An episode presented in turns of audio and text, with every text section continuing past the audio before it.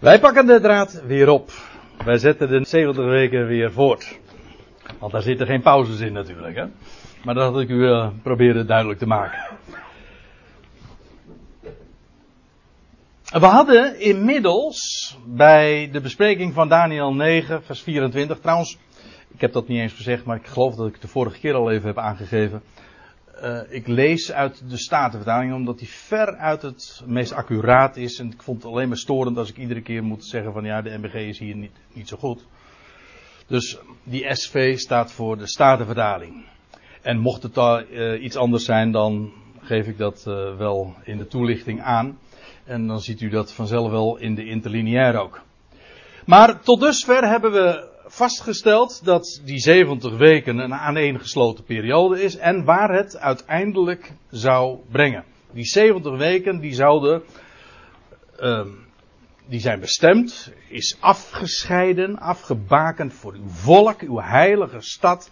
En uh, een van de dingen die we gezien hebben is ook, en dat is het laatste wat we voor de pauze nog gezien hebben, dat voor Israël gezicht en profeet verzegeld zou worden zou heel erg de moeite waard zijn om bij een andere gelegenheid nog eens een keertje daar wat meer op in te zoomen. Want ik, uh, het deed haast pijn voor mij om uh, zo hier overheen te gaan. En nou weer naar het volgende uh, onderwerp, het volgende item toe te, te fietsen, zeg maar. Omdat dit is een onderwerp waar zoveel in het Oude Testament over staat. Over, die, over het feit dat de, de, de boekrol voor het volk verzegeld wordt. Ontoegankelijk. Men begrijpt het niet. Maar van Gods wegen is dit zo bepaald. En in die 70 weken zou dit gaan gebeuren. Inderdaad, de Messias zou komen, eeuwige gerechtigheid aanbrengen, verzoening van uh, beschutting voor de ongerechtigheden. En ook gezicht en profeet zou verzegeld worden. In de tijd hè, dat het huis van Jacob geen zicht zou hebben ook op de Heer. Ik zal mijn aangezicht voor dit volk verbergen. Nou, dit is waar we, wat we zojuist gezien hebben. En dan het laatste, het zesde punt. Wat hier genoemd wordt, als doelstelling, iedere keer met om en om en om en om. Dat wil zeggen, daarmee wordt de doelstelling aangegeven. En dit is het laatste wat dan gezegd wordt. Om de heiligheid dat is een typisch Hebraïsme, een Hebreeuwse manier van zeggen. Zo'n overtreffende trap. Eeuwen der eeuwen, lied der liederen, ijdelheid der ijdelheden. En hier staat de heiligheid der heiligheden te zalven. Of ja, tot zalving, tot zalven van heiligheid der heiligheden. Nou eens heb ik een vraag voor u. Als we het hebben over zalving. Het Hebreeuwse woord is, kent u hè, gezalfde is Mashiach. Het Griekse woord is Christos. Dat is gewoon gezalfd. Als ik aan u vraag, wat is nou de overtreffende trap? Of wie? Nou, nou help ik wel heel erg. Wie is nou de overtreffende trap van de gezalfde? De vraag stellen is haar beantwoorden. En inderdaad, het is Petrus die op het tempelplein in, in uw heilige stad en voor het volk van Israël dan plechtig verklaart op de dag van het Pinksterfeest. Dan zegt hij dit in Handelingen 2 vers 36. Dat is een conclusie van zijn toespraak. Dan zegt hij dus, dat is de conclusie uit, uit het hele voorgaande.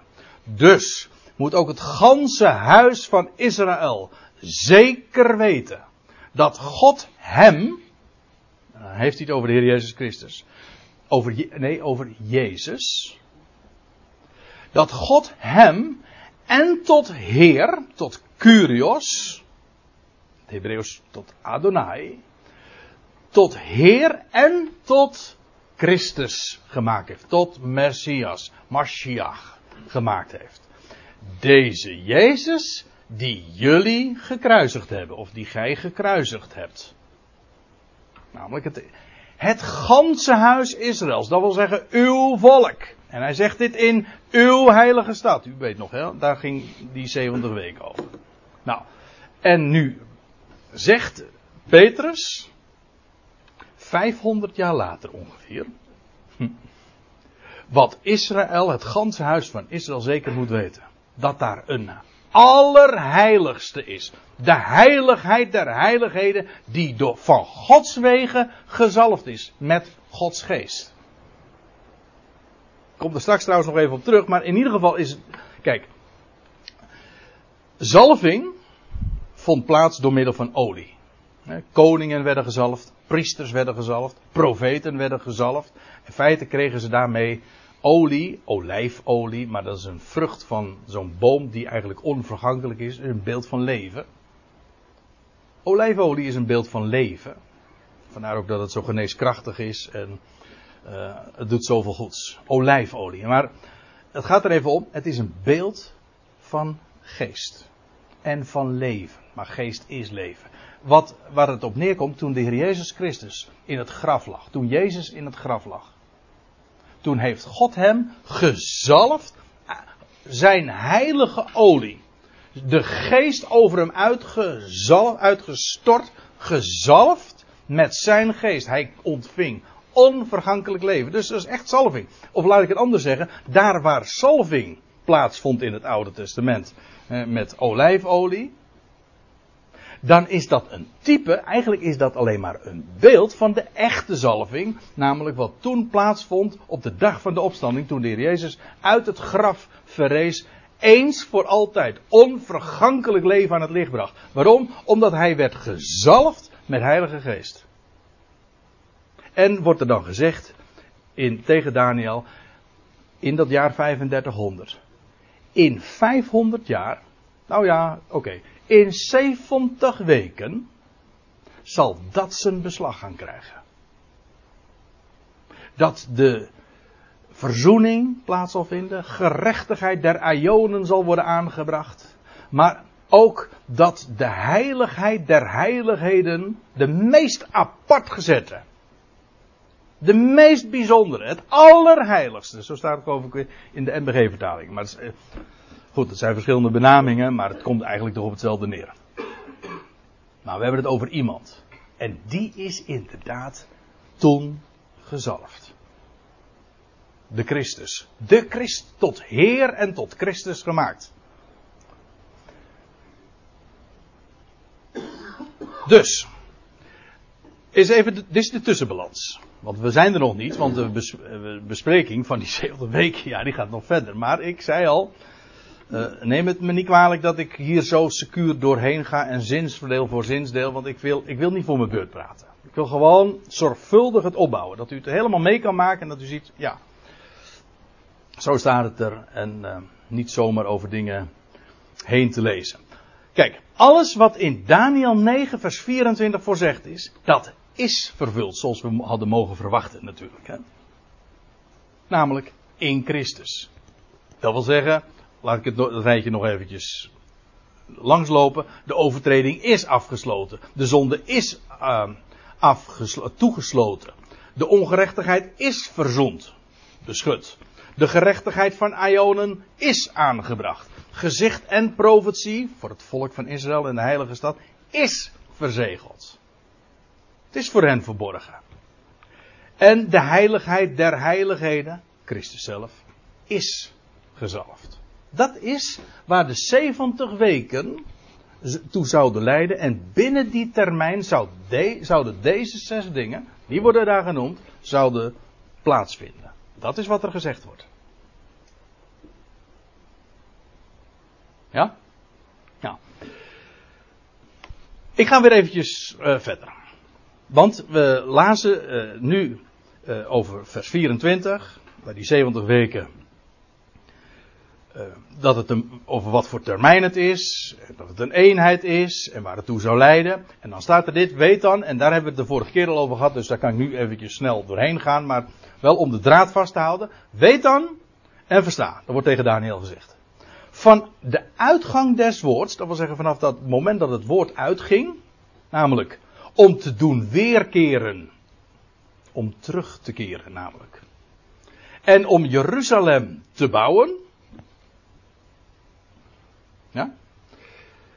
Tot op Messias de vorst. Hier wordt hij genoemd. Dat zijn 7 weken en 62 weken. Ja?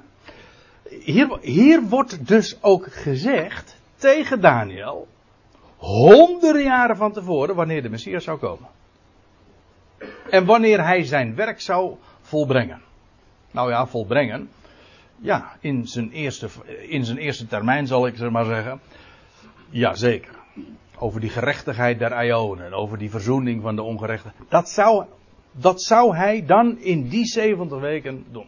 Nou, hier wordt gezegd, vanaf het moment dat, Jeru uh, dat Jeruzalem zou, dat het woord uitging om te doen wederkeren en Jeruzalem te bouwen, oftewel vanaf de dagen van Kores, vanaf dat jaar, gewoon vanaf, het is heel simpel, vanaf het jaar dat Daniel dit hoorde. Gewoon hier, dit eerste jaar van Kores. Vanaf dat moment te rekenen zouden er zeven weken volgen en 62 weken. Nou, over die zeven weken hebben we de vorige keer even nog gehad. Uh, u krijgt nu eventjes een, een tijdtabel.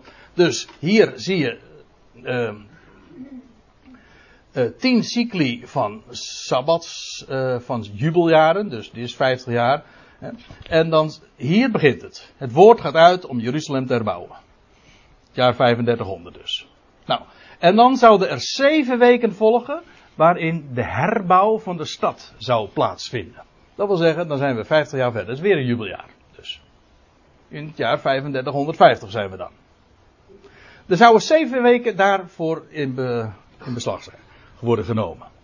En dan wordt er nog een termijn genoemd, namelijk weer van 62 weken. Dat wil zeggen, vanaf hier gerekend. Dus in totaal is dit 69 weken dus. Hè?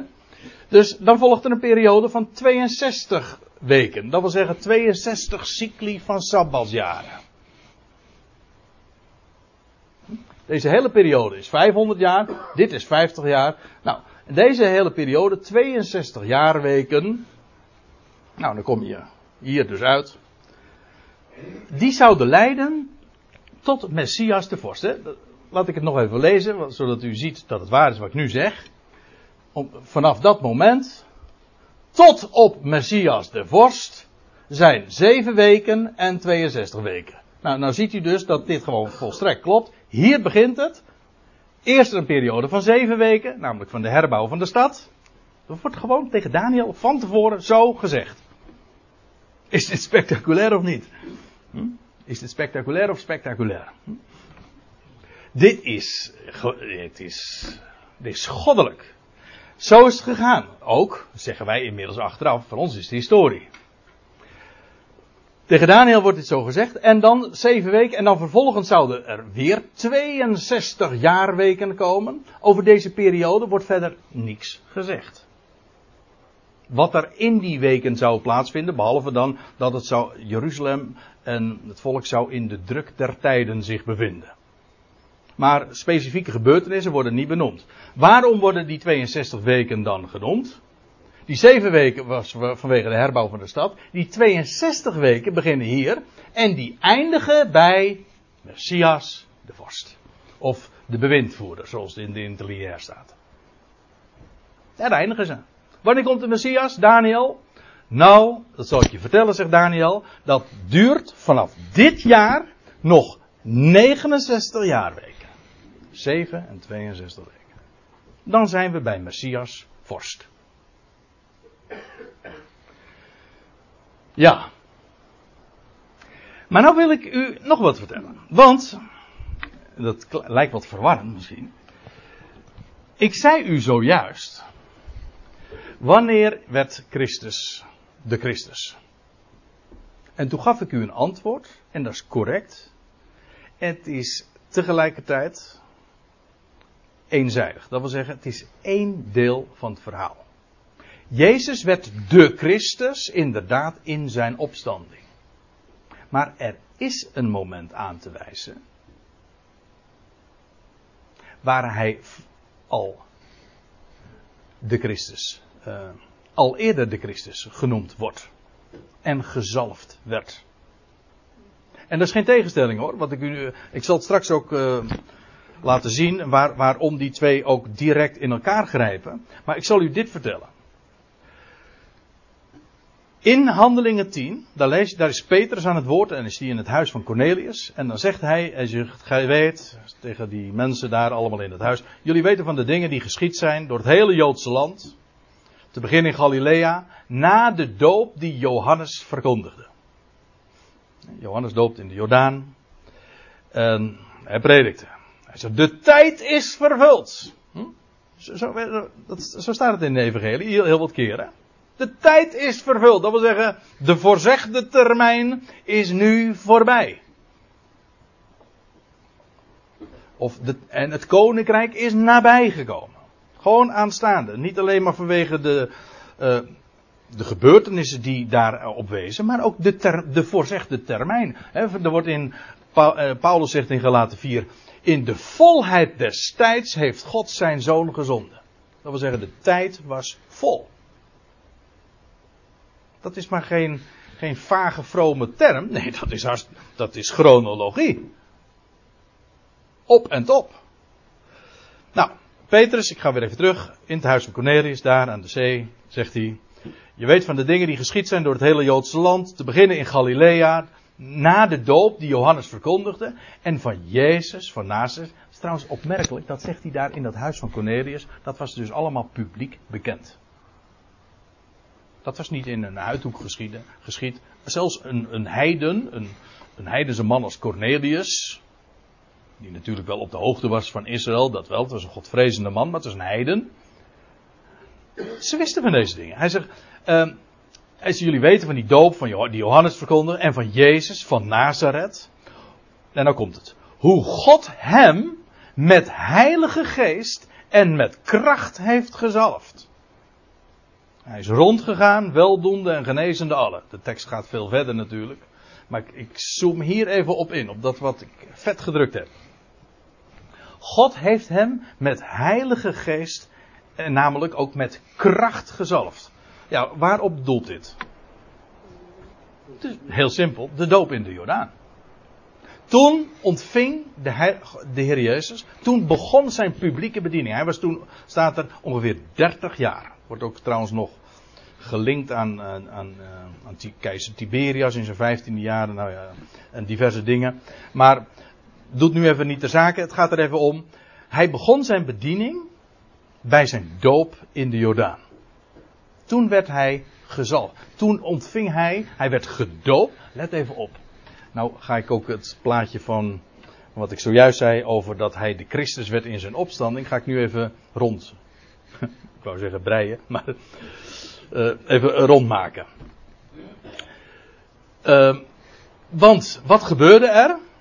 Johannes, uh, Jezus kwam tot zijn achterneef Johannes en dan zegt hij: Ik wil gedoopt worden. En dan gaat hij in de Jordaan ten onder. Een heel evident beeld van dood en begraven worden. De Jordaan is sowieso al een beeld van de dood en hij ging onder in de Jordaan. En dan staat er, en hij stond daaruit op. Staat er letterlijk zo in Matthäus 3. Hij stond daar uit het water op. En toen, en zie, de hemelen werden geopend. En de Heilige Geest in de gedaante van de duif daalde op hem neer. Op zijn schouder staat er geloof ik, op, in ieder geval op hem neer. En die bleef trouwens uh, in eerste instantie ook op hem. Een wonderlijk gebeuren natuurlijk wat ja, Johannes heeft dat zelf en vele omstanders ongetwijfeld ook, heeft dat gezien en getuigd. Die stem die vervolgens ook uit de hemel klonk, dat was spectaculair. Waarom? Omdat dit ook een spectaculair moment was. Hier werd Jezus de gezalfde. De Heilige Geest kwam op hem. Hij stond op uit het water, uit het doodswater, en toen kwam de Geest op hem. En nou ziet u ook de link. Want wat er toen plaatsvond in de Jordaan en waar hij inderdaad de gezalfde werd, dat was in feite een beeld, een type van wat er drieënhalf jaar later zou plaatsvinden, namelijk toen die opstond uit de doden. Dus dat is geen tegenspraak. Zijn doop in de Jordaan was een zalving, Maar het was een type van zijn echte, definitieve zalving. Dat hij als allerheiligste Godsgeest ontving. En geest met, dat wil zeggen, leven ontving. En de opgewekte Christus werd eens voor altijd. Dat wat daar in die doop in de Jordaan plaatsvond, is daar een type van. Maar hij werd hier bij deze gelegenheid inderdaad officieel gezalfd. En dit is ook precies het moment waar die 62 weken, die 7 en 62 weken, eindigen. 7 en 62 weken tot op Messias vorst. Dat begint hier, in dit jaar, op dit moment. Hier begint die laatste jaarweek dus. Het is het einde van die 69 weken. En daarmee dus ook het begin van die laatste jaarweek. Ja, hier ziet u het nog een keer uh, op het plaatje. 7 weken, 62 weken, tot op de Messias die zich hier aandiende. Officieel. Daar in het Joodse land. En hier werd Jezus gedoopt, dat wil zeggen ook gezalfd. En dat markeert het einde van de 7 en 62 weken. Zie je? Goed. En dan staat er. en na die 62 weken. Hier worden we dus weer bevestigd. In die termijn. En na die 62 weken zal de Messias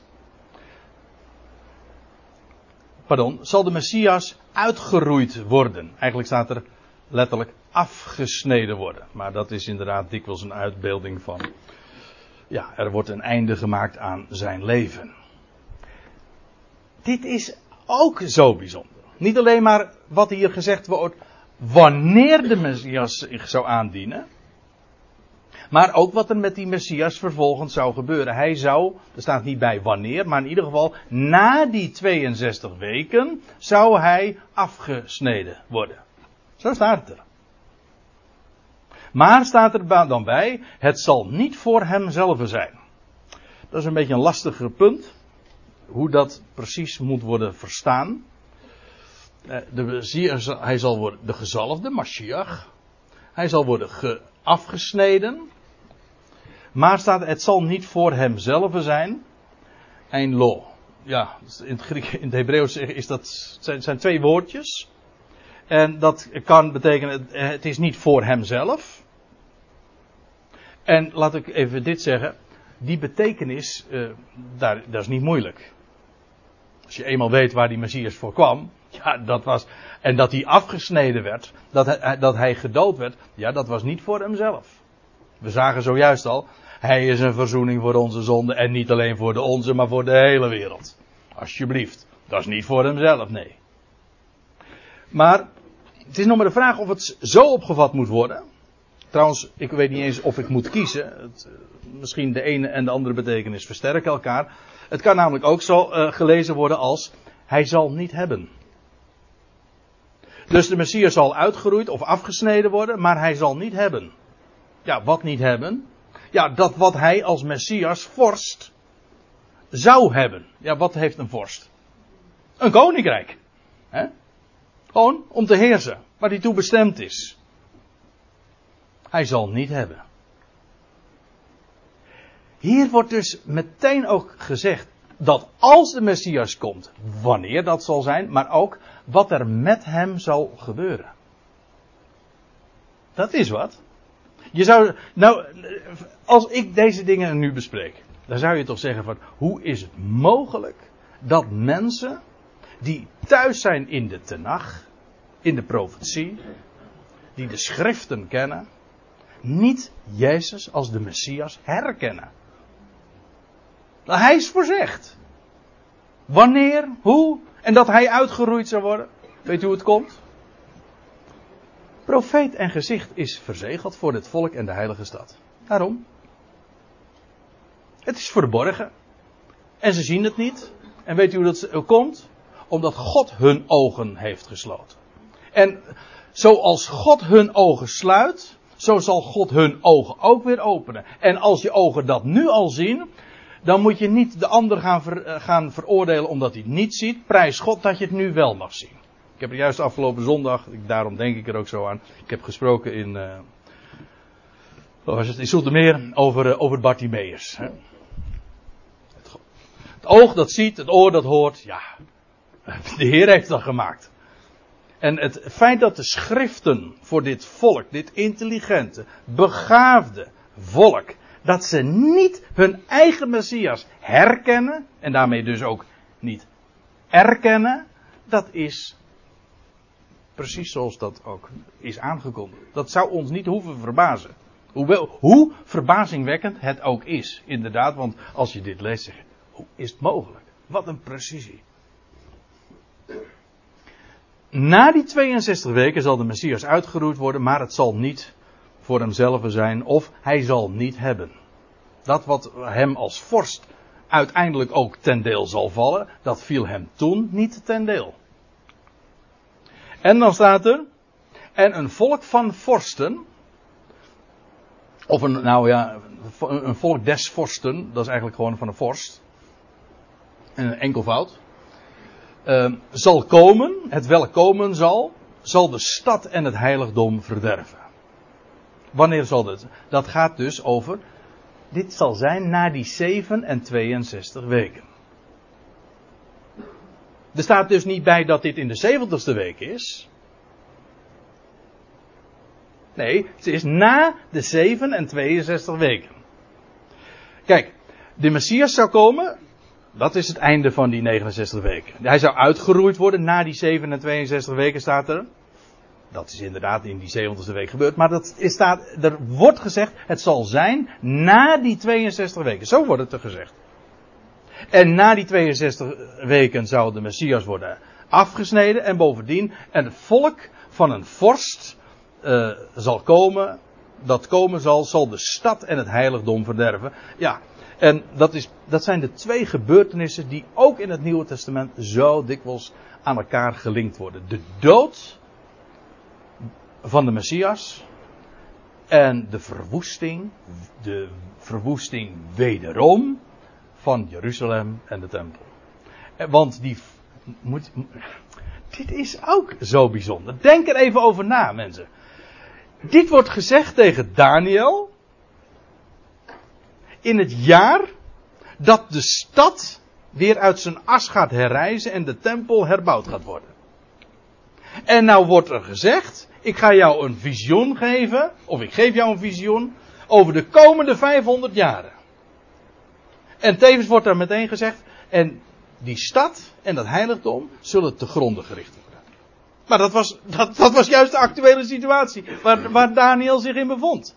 Waar nu net een einde aan kwam. Dit, ja, dit is natuurlijk treffend. Dit is zo met precisie gezegd. Maar dit is ook. Ja, moet je, kunt u zich voorstellen wat dit voor Daniel betekent heeft? Dat hij dit gehoord heeft? Hm? Dit gaat gebeuren. Eh, over de Messias, wat hij zou gaan doen. Maar ook waar het toe zou leiden. Wederom de stad die verwoestte. Er is geen stad in de hele wereld die zo vaak plat gelegd is, zo vaak geruineerd is, zoals hier ook staat in interlineair, als die stad. Die heet Jeruzalem. Jeruzalem, dat wil zeggen, hij zal voorzien in vrede. Het is geen stad waar zoveel strijd, zoveel oorlog is, tot op de dag van vandaag. Sterker nog, de hele, ik durf te beweren dat de hele wereldpolitiek tot op de dag van vandaag geconcentreerd ligt rond die stad. En het eigenlijk eh, tot de aanslagen in Parijs aan toe, dat is allemaal direct te linken aan die stad. En het enorme conflict dat er ontstaan is toen dat weer eigendom werd van de Joden en, enzovoorts. Afijn. De Messias werd gedood na 62 weken inderdaad. En precies 40 jaar later, ik kom daar, dat wordt, ja, wordt zeker de volgende keer. Ik, daar wil ik eh, veel meer over vertellen, over die periode. De periode van het Nieuwe Testament dus. Ja, In 40 jaar later, in het jaar 70, werd de stad en de tempel verwoest. Wel, dat wordt hier al gezegd. Dat zou zijn na die 7, na die 7 en 62 weken. Let op, er wordt niet gezegd dat dat allemaal in die 70ste week is. Er wordt gezegd na de 7 en 62 weken. Er wordt hier in vers 26 een veel bredere, langere periode bezien. En zijn einde, dat wil zeggen dat einde van dat heiligdom, dat is uit de weergave niet zo, eh, in de lezing van de uh, tekst, van de Nederlandse tekst is dat niet zo helder. Maar zijn einde, dat wil zeggen het einde van het heiligdom, zal zijn in een overstromende vloed. Dat wil zeggen het zal helemaal plat, ja hoe zeg je dat nou, worden. Het zal helemaal ten onder gaan. Zoals iets ten onder gaat in het water, wel zo zal het heiligdom ten onder gaan. En tot het einde toe, tot het eind, ja, dat is wat later in Daniel genoemd wordt de eindtijd. 11 vers 40 en 12 vers 4 wordt die term gebezigd. En tot het einde toe zal er krijg zijn, oorlog. En vastelijk besloten verwoestingen. Meervoud trouwens. Die stad zou nog meerdere keren verwoest worden. Ook in onze dagen, die stad zal nog steeds, die, die nu in, ja, herbouwd wordt. En Jeruzalem, ook de tempel die nog herbouwd gaat worden binnenkort, die gaat toch ook weer plat. Ja, ik zeg dit niet uh, om, om, om uit leed voor mij. Gewoon, de schrift zegt dat. Tot het einde toe zal er krijg zijn en vastelijk besloten verwoestingen. Ja. En dan komen we bij het laatste vers. Van Daniel 9. En dan ja, nou, ik vind het een beetje moeilijk om hier nu, uh, om hier nu te stoppen. Ik wil er toch nog inderdaad wat over zeggen. Ik vind dat ik het u eigenlijk ook niet aan kan doen om dat niet te doen. Hè? Ja, precies. Fasten your seatbelts had ik in de aankondiging gezet. En hij, wie is, nou, nu wie is die hij? Dat is trouwens een groot probleem voor die traditionele uitleg. Want dat moet terugverwijzen naar iemand uit het voorgaande vers. Maar men zegt er is een periode van, van, van duizend jaren tussen. Dat, hoe kan dat dan? Dat is lastig. Nee, die hij is niet zo moeilijk. Dat moet dus verwijzen inderdaad naar iemand in het voorgaande. Maar ik zal het u vertellen. Het verwijst naar Messias de Vorst. Ja, wat ik nu ga vertellen, dat wijkt af echt, dat staat haaks op wat... Ik kan me voorstellen dat u zegt, oh, maar André, wat, heb, wat vertel je me nou? Ik heb altijd gedacht dat dit over de antichrist ging. Dacht ik, joh. ja. Hij zal, kijk, hier wordt nu gesproken over die laatste week. Kijk, 70 weken heb je. Die wordt onderverdeeld, feitelijk. Het is een aaneengesloten periode, maar je hebt 7 weken van herbouw van de stad. Vervolgens 62 weken, die eindigen bij Messias de Vorst. Hebben we nog over? één week. Toch? Eén week. Nou, over die ene week, specifiek, gaat nu dit deel van het vers. En hij, die Messias, die zich aan zal dienen, die zich aandient, die zich aandiende aan het einde van die 7 en 62 weken.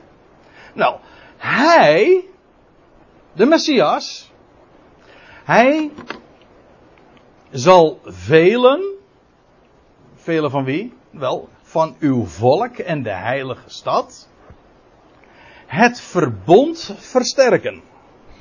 Nou, eigenlijk, eh, het verbond staat er niet zozeer, maar verbond. Verbond bekrachtigen. Uh, machtig doen zijn, ja, dat wordt hier in, in het Hebreeuws. Uh, er zijn verschillende vertalingen, maar het idee is inderdaad uh, van kracht geven en machtig doen zijn of sterk maken. Hij zal een verbond bekrachtigen. Wel, hou hem even vast. Als die 70 weken een aaneengesloten periode is, de 69 weken eindigen bij het aantreden van Messias, en dan vervolgens krijgen we 70 weken, die 70ste week, waarin hij, die Messias, een verbond bekrachtigen zal. Welke? Waarover, waaraan denkt u dan? Nee, over welk verbond? Gewoon over het, het beloofde verbond. De, de, het beloofde Messiaanse verbond. Het, het verbond dat zou aanbreken met de komst van de Messias ook. Dit is trouwens ter, dit is terminologie die een Jood uh, gewoon standaard kent. Het nieuwe verbond, dat zal beginnen.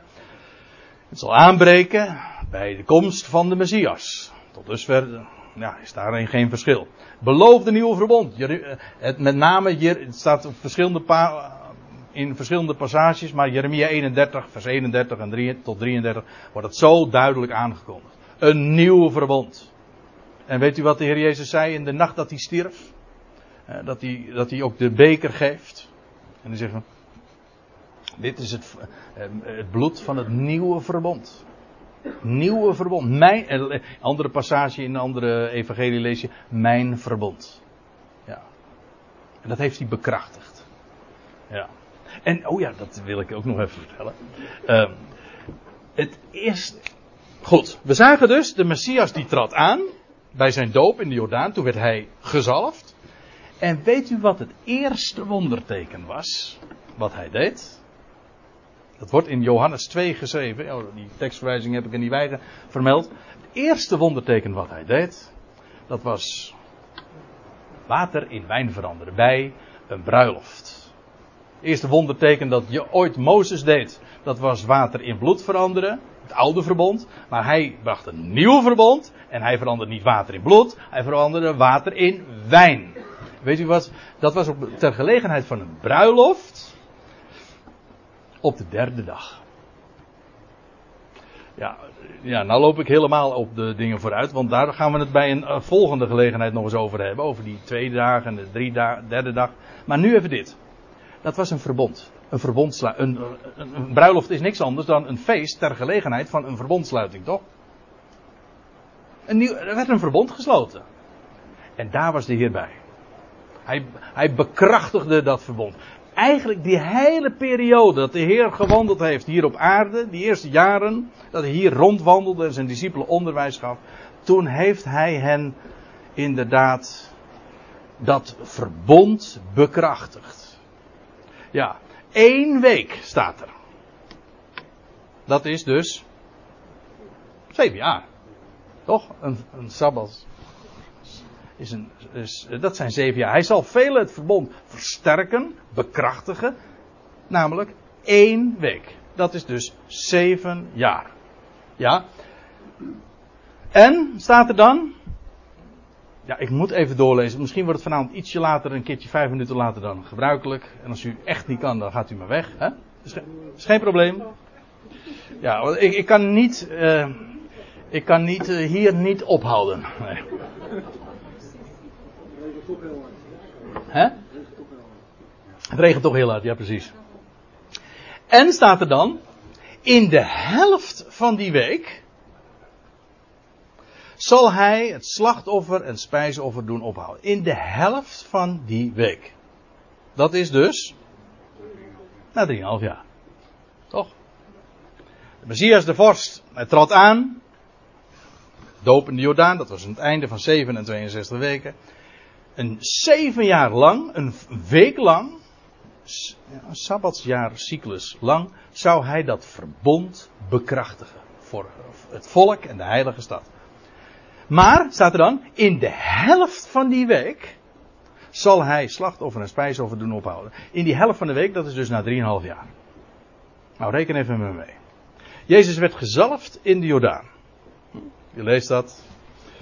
Hij stond op uit de Jordaan. Nou, ik, heb het, ik had het zojuist over. De Heilige Geest daalde op hem neer. Enige tijd later, hoe lang wordt in de Bijbel niet vermeld, ging hij, ik, ga u, ik neem u alleen even mee uh, in het Johannes-evangelie. Enige tijd later, x tijd later, vierde hij zijn eerste paascha in Jeruzalem. Dat lees je in Johannes 2, vers 13. Weer een jaar later, dus dat was het eerste jaar in totaal, vierde hij, ging hij weer naar Jeruzalem. U leest daarover in Johannes 5, vers 1. Dat was zijn tweede paascha. Dit was één jaar en plus, dat plus dat verwijst naar deze periode. Dus hij werd gezalfd. Een x tijd later werd hij, ging hij naar het paascha in Jeruzalem. En hij ging vervolgens weer naar Jeruzalem. Zijn tweede paascha. En je leest in Johannes 6, 4 dat hij uh, derde paascha ook vierde in Jeruzalem. dat is dus het tweede jaar. En dan, tenslotte, voor de vierde keer gaat hij dan naar Jeruzalem toe om een paascha te vieren. Nou ja, vieren. Bij die gelegenheid zou hij worden afgesneden. Uitgeroeid. Geslacht. Het werk van verzoening voltooien. Precies trouwens ook op de dag dat het paaslam geslacht zou worden. Maar daar ga ik nu helemaal aan voorbij. Ja, het duizelt misschien. En als u zegt het gaat duizelt mij, dan zeg ik, dan hebt u het goed begrepen. Dat is de bedoeling. En bij zijn vierde paascha, ja, toen werd hij inderdaad omgebracht. En dat was dus na ruim drie jaar. Oftewel, dit is precies die termijn die hier, waar hier in Daniel 9 ook aan gerefereerd wordt.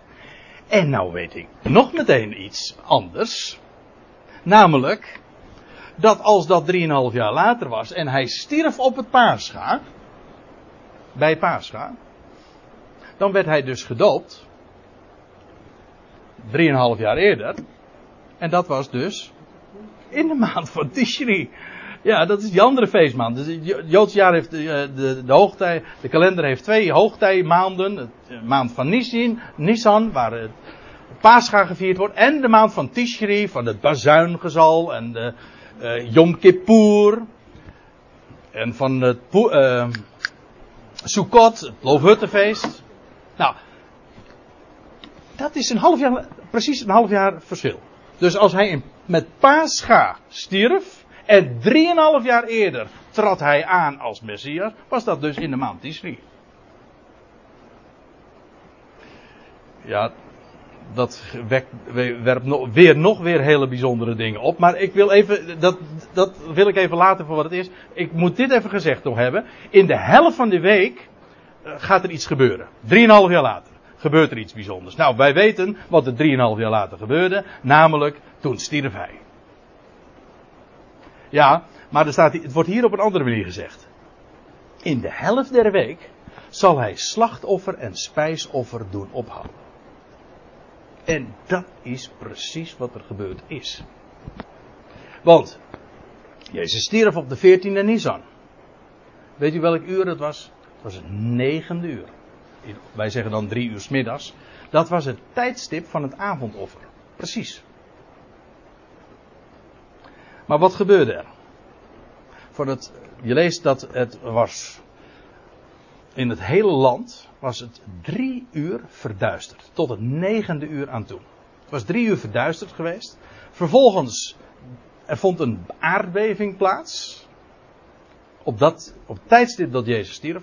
En dan lees je dat het gordijn van de tempel, dat is niet in het, in de tempel, het gordijn van het, voor het heilige der heiligen, maar het gordijn van de tempel, dat weet u hoe hoog dat was? Uh, Flavius Josephus beschrijft dat. was een gigantisch gordijn van 26 meter hoog. Ja, dat is een gordijn, hè? Een gigantisch groot gordijn. En dat scheurde van boven naar beneden. Terwijl dus daar het of avondoffer gebracht werd. Ook trouwens, de priester ging daar nog in het heiligdom. Dat werd zo verstoord. Bij die gelegenheid. Want het scheurde, ja, is zichtbaar. Want weet u dat die hoofdman, die toen Jezus zag sterven. Die zag dat zo allemaal gebeuren. Kun je maar van één, één plaats trouwens zien. Namelijk vanaf de Olijfberg. Nee, daar gaan we nu niet over hebben, maar. De, de gordijn, nou laat ik er dan dit zeggen. Jezus, uh, ik ga dat nu, ik geef er geen bonnetjes bij. Ik, uh, maar ik geloof dus dat Jezus inderdaad stierf op de Olijfberg. En die hoofdman, die ziet Jezus sterven. En terwijl die dat ziet, ziet hij ook het. En zie staat er ook bij, hè? En zie het gordijn van de tempel. Dat kon hij op, een kilometer afstand, dat is het ongeveer. Kon hij dat met gemak zien. Zo'n enorm gordijn dat voor de tempel hing. Van, van 5, 26 meter. Dat scheurde van boven naar beneden. Op dat moment. En dan staat er dat die hoofdman tot. Ver, nou, gewoon verbluft zegt. waarlijk, deze man was de zoon Gods. Ja, die hele context van wat daar plaatsvond, dat bracht hem tot die overtuiging. Hij zag dat. Daar in die tempel scheurde het gordijn. Dus terwijl, ja, het zal sowieso al vertraging hebben opgeleverd doordat het uh, een paar uur zomaar duister was. Maar vervolgens, uh, wat daar een aardbeving vond plaats. En bovendien die hele tempel, die, die, dat machtige gordijn, dat scheurde van boven naar beneden. Kortom, de offerdienst moest bij die gelegenheid gewoon gestaakt worden. Hij deed slachtoffer en spijsoffer, of misschien ook reukoffer, dat is nog een ander verhaal, ophouden. Staken. Gewoon, die dag is dat gewoon ook een beschrijving van een historisch gegeven. Er gebeurde zoiets ontzagwekkends daar in die tempel. Ik kom de volgende keer daar nog op terug. Maar in ieder geval dit, dat gebeurde in die helft van de week. De Heer stierf.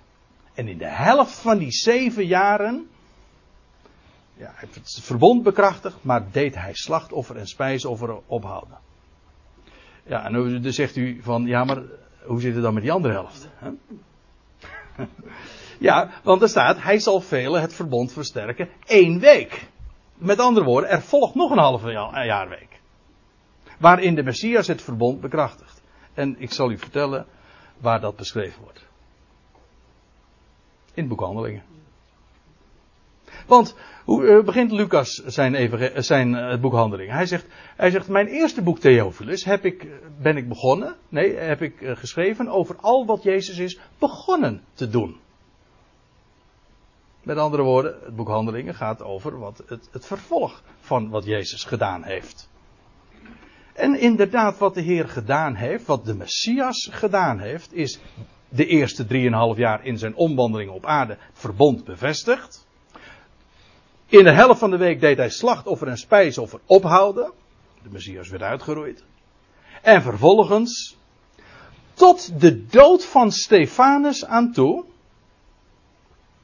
wordt het nieuwe verbond aan Israël en Jeruzalem, blijft het bekrachtigd worden. Er is geen tijd geweest waarin zo enorm veel wonderen en tekenen hebben plaatsgevonden als juist in die periode. En toen is het gestopt. Bij de dood van Stefanus is het gestopt. Is het verbond, heeft hij het verbond voor het volk. Let op, voor het volk en de heilige stad is het niet meer bekrachtigd. Toen, was, toen viel het doek voor Jeruzalem. Echt, bij de dood van Stefanus. Daar gaan we het dus echt de volgende keer over hebben. Dat wordt nu te veel, want het is nu echt al tien over tien. Maar, uh, dus ik kan het niet uh, nog langer maken. Maar ik moest dit in ieder geval gezegd hebben. Dit gaat, en ik, ik zal de volgende keer hier nog wat meer uh, op ingaan, maar die laatste drieënhalf jaar gaat ook over de tijd dat de Messias, maar nu vanuit de hemel, het verbond voor de heilige stad en het volk bekrachtigt. En dat eindigt op een heel markant moment, namelijk bij de steniging van Stefanus, toen het volk officieel de Messias, de opgestane Messias, ook verwierp en stenigde. Dat was een mijlpaal, want bij die gelegenheid stond de zoon des mensen ook op. Hij stond, hè? zo zag Stefanus hem. Hij zag hem staan. En dan valt het doek. En dan gaat ook inderdaad gezicht en profetie verzegeld worden. En raad eens wat wie, dan achter de coulissen zich al warm loopt. Saulus van Tarsus. De man van de verborgenheid. Daarover is nog veel en veel meer te vertellen. Ga ik ook doen, maar dat wordt dan over drie weken. Want u ziet. Ja, nee, ik ben nog lang niet verder. Ik heb nog veel meer dia's. Maar ik vrees al dat ik niet zo ver zou komen. Maar ik ben blij dat u mij de tijd gegund hebt om in ieder geval tot tien over tien door te gaan. Want uh, dit kon ik niet zomaar abrupt afbreken. Dus u hebt in ieder geval een beetje uh, de clue te pakken. En ik ben blij dat ik geen rotte tomaten naar me toe gegooid heb gekregen. En uh, dat u mij uh, geduldig hebt aangehoord. En ik stel voor dat we met elkaar nog onze Hemelse Vader zullen danken.